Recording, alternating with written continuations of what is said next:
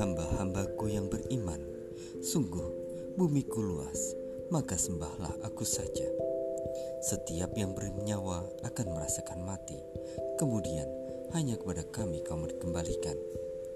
Dan orang-orang yang beriman dan mengerjakan kebajikan, sungguh mereka akan kami tempatkan pada tempat-tempat yang tinggi di dalam surga, yang mengalir di bawahnya sungai-sungai, mereka kekal di dalamnya Itulah sebaik-baik balasan bagi orang yang berbuat kebajikan, yaitu orang-orang yang bersabar dan bertawakal kepada Tuhannya.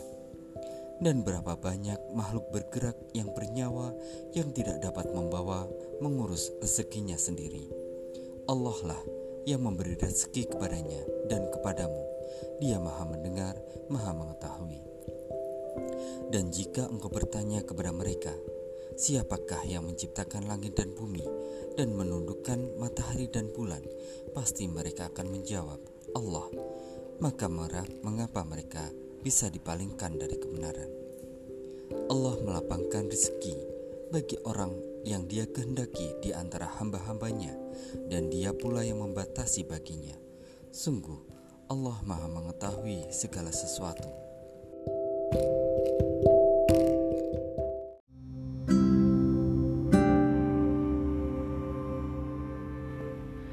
Assalamualaikum warahmatullahi wabarakatuh. Pada kesempatan kali ini kita akan membahas tentang zakat penghasilan yang dibayarkan setiap bulan haruskah juga dibayarkan secara tahunan. Ini dari ada pertanyaan dari Mas Basri. Assalamualaikum warahmatullahi wabarakatuh. Mohon penjelasannya mengenai zakat penghasilan yang selama ini saya laksanakan di mana penghasilan saya, gaji bulanan, saya keluarkan 2,5% setiap bulan. Apakah saya harus mengeluarkan juga setiap tahunnya dalam saldo tahunan? Sementara gaji mutlak saya gunakan untuk kebutuhan sehari-hari dan bukan digunakan untuk suatu usaha. Saya juga mempunyai beberapa unit rumah yang saya kontrakan Selama ini saya hanya mengeluarkan 2,5% dari kontrakan setiap tahun. Apakah cara ini sudah benar? Mohon uh, sesuai syariat agama, mohon penjelasannya. Sekian dan terima kasih. Zakat penghasilan atau sering disebut zakat profesi adalah zakat yang dikeluarkan dari penghasilan profesi, hasil profesi. Landasan dalil yang digunakan ulama untuk zakat penghasilan profesi adalah firman Allah SWT dalam surat Al-Baqarah ayat 267, Hai orang-orang yang beriman, nafkahkanlah di jalan Allah sebagian dari hasil usahamu yang baik-baik dan sebagian dari apa yang kami keluarkan dari bumi untuk kamu. Dan janganlah kamu memilih yang buruk-buruk lalu kamu menafkahkan daripadanya. Padahal kamu sendiri tidak mau mengambilnya, melainkan dengan memincingkan mata terhadapnya. Dan ketahuilah bahwa Allah Maha Kaya, lagi Maha Terpuji. Zakat penghasilan atau profesi berdasarkan pendapat ulama ada tiga metode analogi yang dapat dilakukan. Yang pertama dianalogikan dengan zakat perdagangan atau zakat emas perak. Haulnya satu tahun, artinya mengeluarkannya setahun sekali. Nisabnya 85 gram emas dan kadarnya 2,5%.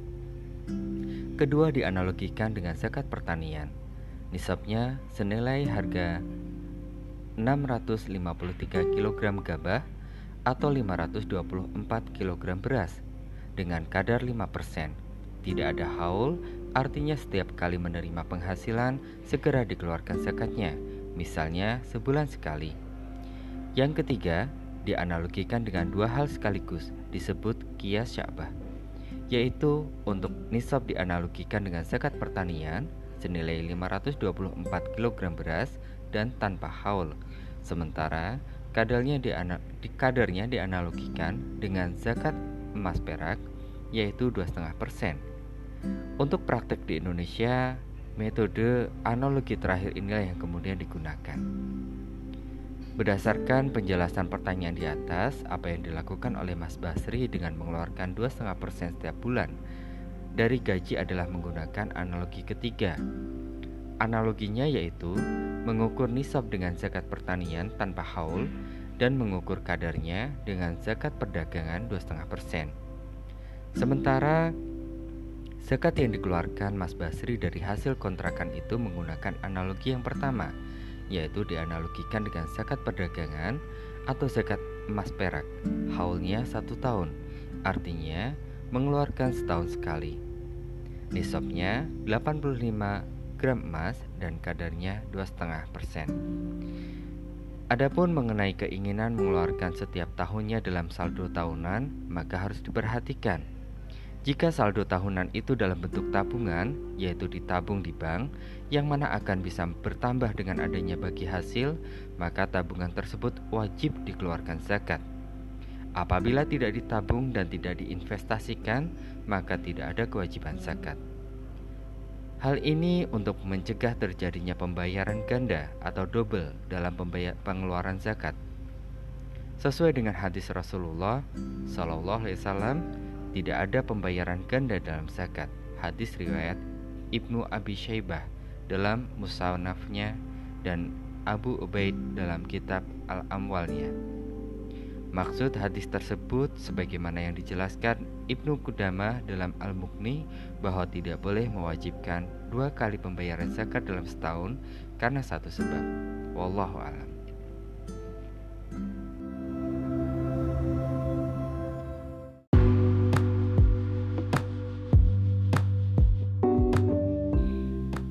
Assalamualaikum warahmatullahi wabarakatuh. Kali ini kita akan membahas tentang puasa. Puasa yang di dalam rukun Islam ini merupakan urutan yang ketiga. Setelah syahadat, sholat, dan puasa di bulan Ramadan. Apa itu puasa? Puasa artinya menahan lapar dan haus dari mulai terbit fajar sampai terbenamnya matahari. Tidak boleh makan dan minum setelah azan subuh terdengar sampai setelah azan maghrib. Puasa Ramadan itu hukumnya wajib, artinya mengerjakannya mendapat pahala, sedangkan meninggalkannya berdosa. Allah Subhanahu wa taala berfirman dalam surat Al-Baqarah ayat 183 yang artinya, "Hai orang-orang yang beriman, diwajibkan atas kamu berpuasa sebagaimana diwajibkan atas orang-orang sebelum kamu agar kamu bertakwa." Jadi, puasa Ramadan itu wajib untuk satu muslim, yaitu orang yang beragama Islam. Dua, balik, artinya sudah cukup umur sudah bisa membedakan mana yang baik dan mana yang tidak. Tiga, berakal, artinya tidak hilang ingatan. Yang keempat, sehat, tidak ada sakit yang menghalangi untuk berpuasa. Lima, bermukim, bukan musafir, tidak sedang dalam perjalanan yang membuat dia ke kelelahan karena jauh. Enam, tidak haid atau nifas, yang ini khusus untuk perempuan. Jadi, bagi adik-adik usia 6 tahun dan merasa belum kuat untuk berpuasa, kalian biasa, bisa mulai berlatih dari sekarang. Jadi saat usia 7 atau 8 tahun, kalian sudah terbiasa untuk berpuasa selama sebulan penuh. Demikian untuk pengertian puasa.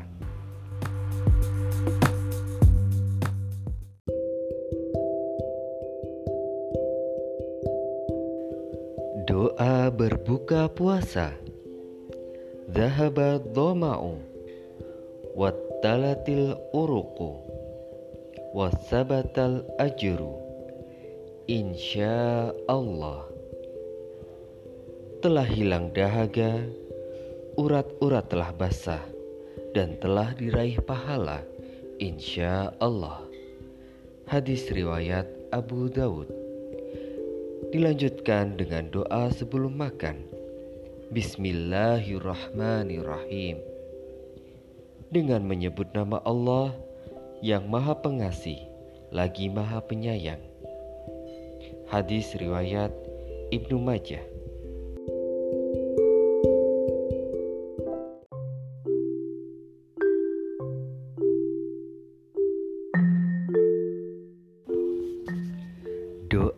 Ketika lupa membaca doa makan. Bismillahi awalahu wa akhirahu. Dengan menyebut nama Allah pada awal dan akhirnya. Hadis riwayat Abu Dawud, Ibnu Majah, dan Ahmad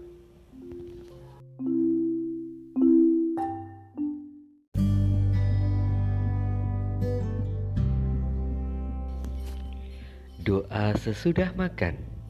Alhamdulillahilladzi at'amani hada ta'ama wa razaqanihi min ghairi hauli minni wala quwwah. Segala puji bagi Allah yang telah memberiku makanan ini dan menganugerahkannya kepadaku tanpa memerlukan daya dan kekuatan dariku. Hadis riwayat Ibnu Majah.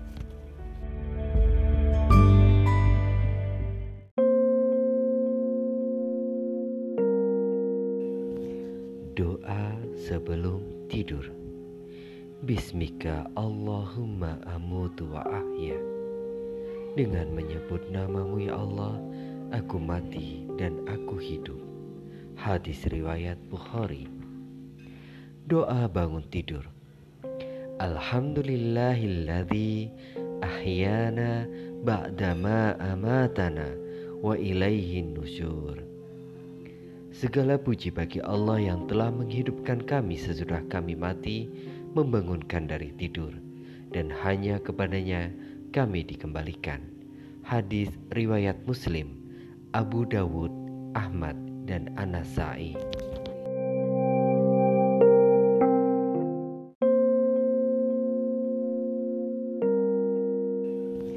Doa sebelum tidur. Bismika Allahumma amutu wa ahya. Dengan menyebut namamu ya Allah Aku mati dan aku hidup. Hadis riwayat Bukhari. Doa bangun tidur. Alhamdulillahilladzi ahyana ba'dama amatana wa ilaihin nusyur. Segala puji bagi Allah yang telah menghidupkan kami sesudah kami mati membangunkan dari tidur, dan hanya kepadanya kami dikembalikan. Hadis riwayat Muslim, Abu Dawud, Ahmad, dan Anasai.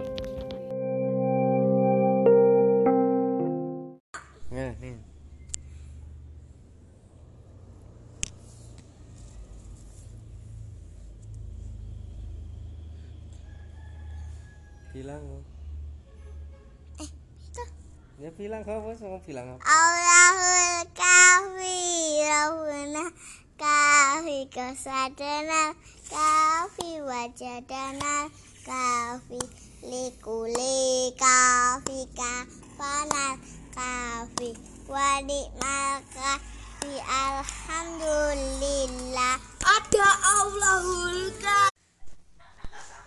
Allahul kafi Rabbuna